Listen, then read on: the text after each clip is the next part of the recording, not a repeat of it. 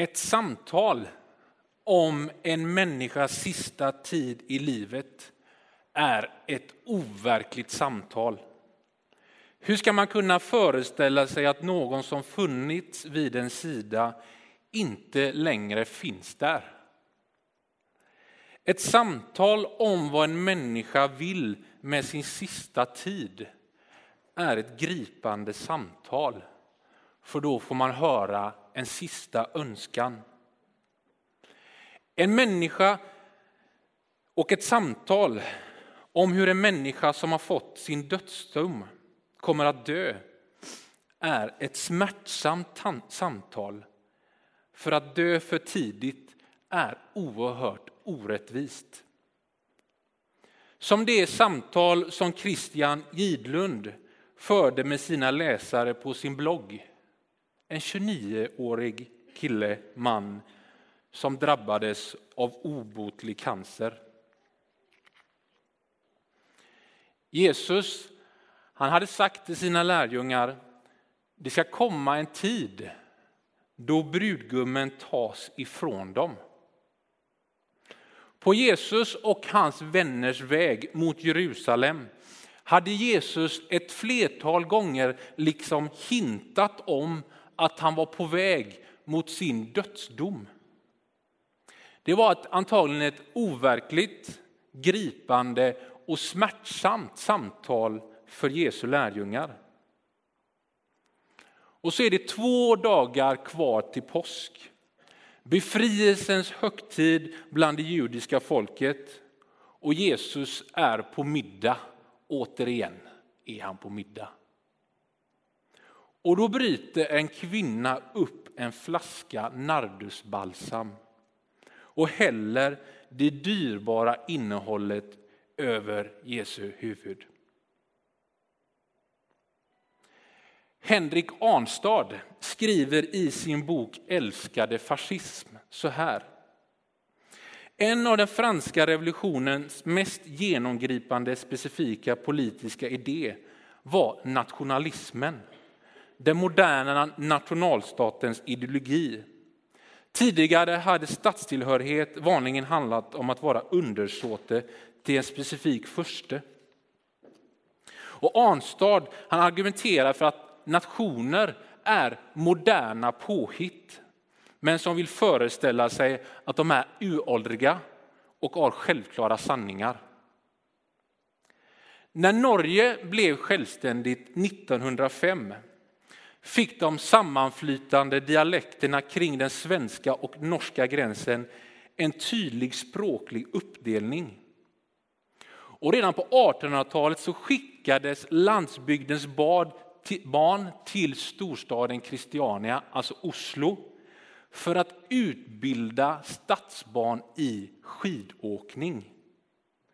Det ansågs nödvändigt att kunna åka skidor för att vara en äkta norrman. Där har vi förklaringen. Och under det tidiga 1900-talet så utformade norska nationalister typiska folkdräkter som skulle bäras vid till exempel nationaldagen den 17 maj. Zlatans reklamfilm för Volvo har väckt uppmärksamhet. Jag ska inte ens ge mig försök på någon slags skånsk dialekt. Men jag vill leva, jag vill dö i Sverige. I Sverige vill ett parti avgöra vad som är svenskt och vad som är osvenskt. Är en kebabpizza med pommes och sallad på svenskt eller osvenskt? Ja, du hittar inte det någon annanstans.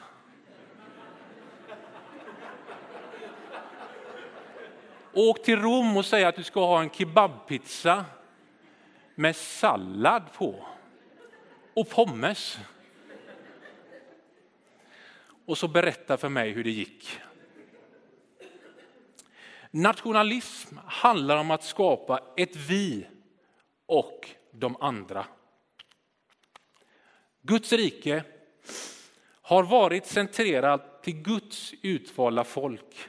Men i dess innersta väsen fanns aldrig begränsningarna av en nation eller nationalism. Utan Guds rike har alltid varit fokuserat på mänskligheten. Ur det judiska folket, till det judiska folket och till mänskligheten skulle en man komma vars uppdrag beskrivs på följande sätt. Herren Guds ande fyller mig, ty han har svort mig. Han har sänt mig att frambära ett glädjebud till de betryckta och ge dem förkrossade bot. Att förkunna ett nådens år från Herren, en hämndens dag från Gud. Att trösta dem som sörjer och ge de sörjande i Sion huvudprydnad istället för aska. Glädjens olja istället för sorgdräkt. Lovsång istället för modlöshet. Är det därför kvinnan bryter flaskan med nardusbalsam och häller över Jesu hår? Har hon funnit tröst? Har hon funnit bot? Har hon funnit nåd? Har hennes aska blivit huvudprydnad? Är det lovsång istället för modlöshet? Genom nationalism kan fascism väckas. Något förenklat om fascismen. Men i fascismen hävdar man att något underbart ska byggas och då måste det sjuka undanröjas. För det finns ett vi och dem. I Guds rike finns det ingen som måste bort. Det finns ingen som diskvalificerar sig på grund av kön, ålder, hudfärg, sexualitet med mera. Guds rike är frihet. Det är befrielse, det är nåd och det är tröst för alla. Och detta verkar vara frukten av Jesu möte med människor. Och Jesus han har inget behov att dela upp människor i vi och dem. Han är grundad i sin identitet. Du är min älskade son, den utvalde. Han drivs av Guds kärlek och Guds dröm för den här världen uttryckt i Guds rike. Därför är han återigen på middag. Och denna gången så är han på middag hos Simon som var spetälsk, som var utfryst av samhället på grund av sin sjukdom. Simon ansågs vara oren. Men Jesus verkar förmedla till Simon att du är inte din sjukdom. Du är Guds barn. Jag vill äta med dig.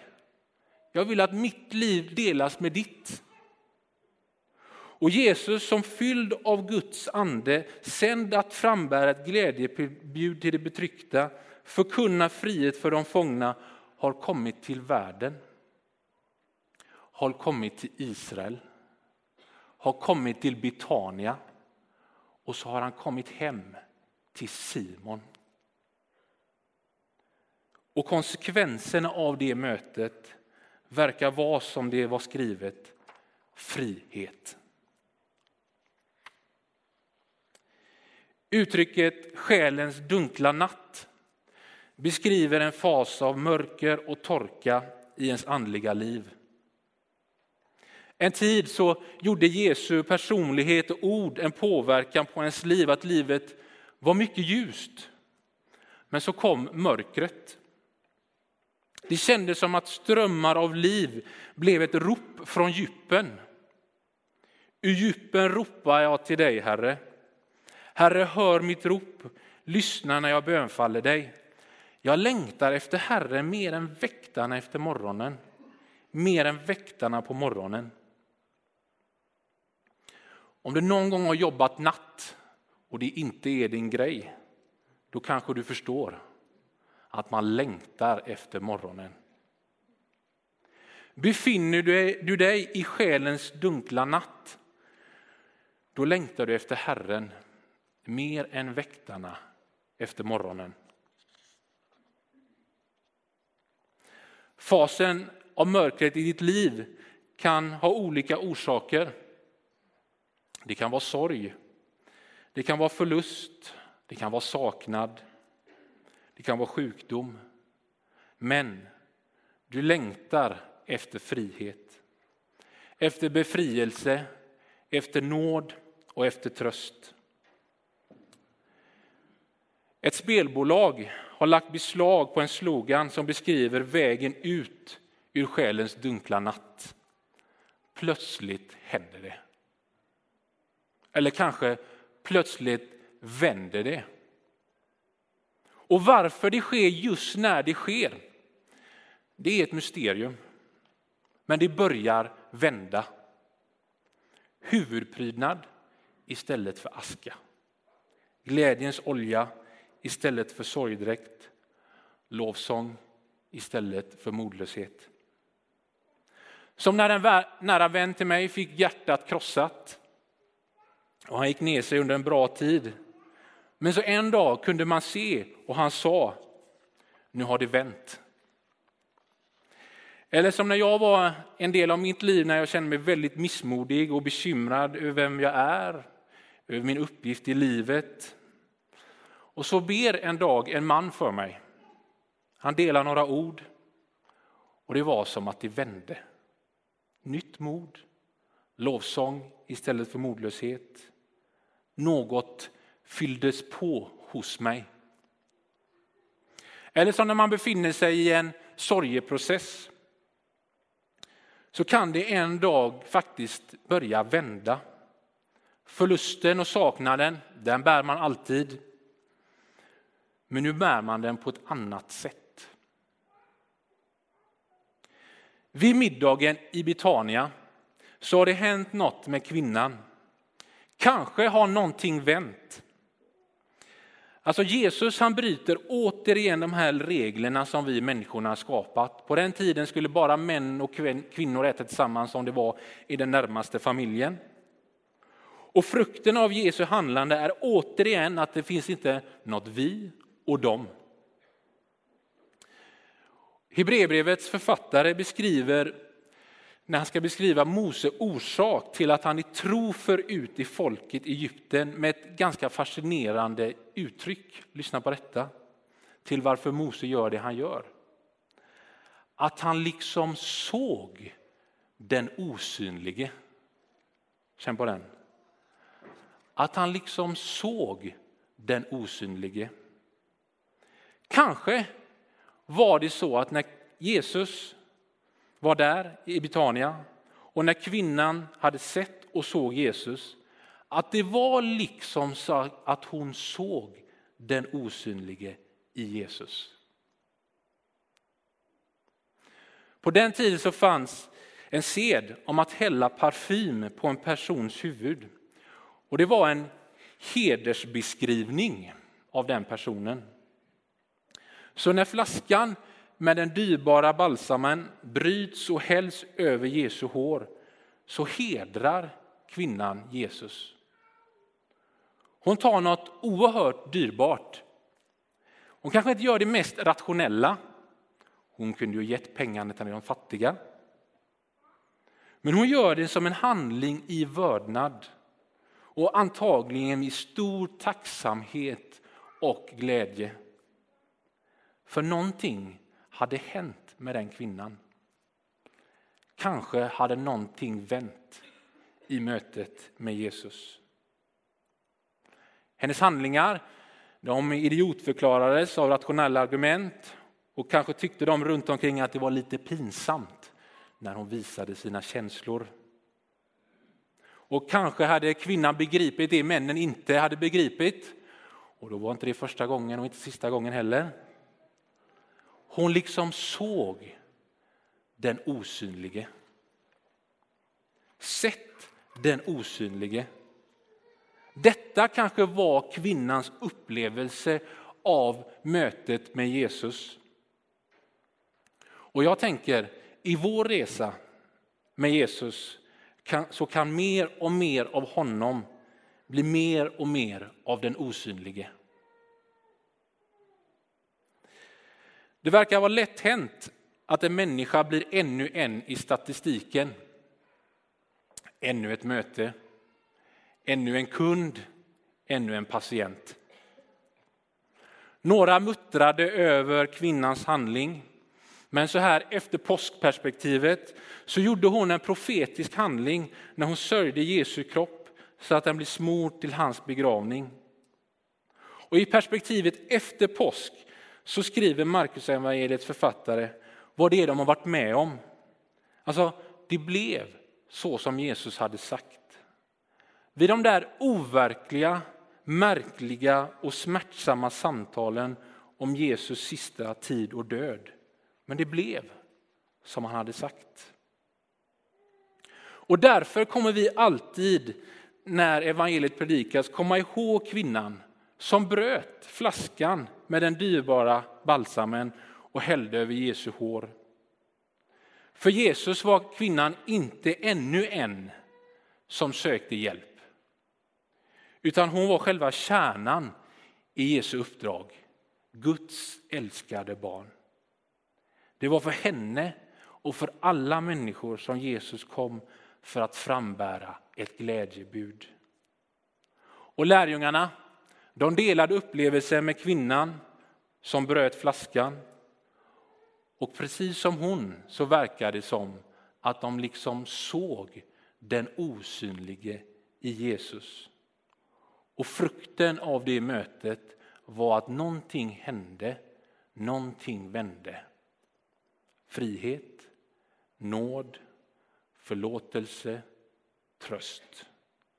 Och jag tror att deras upplevelse kan bli våran upplevelse. För det finns inga vi och dem. Och det verkar inte heller för Jesus finnas någonting då, men inte nu. Jag ber. Var med om du vill.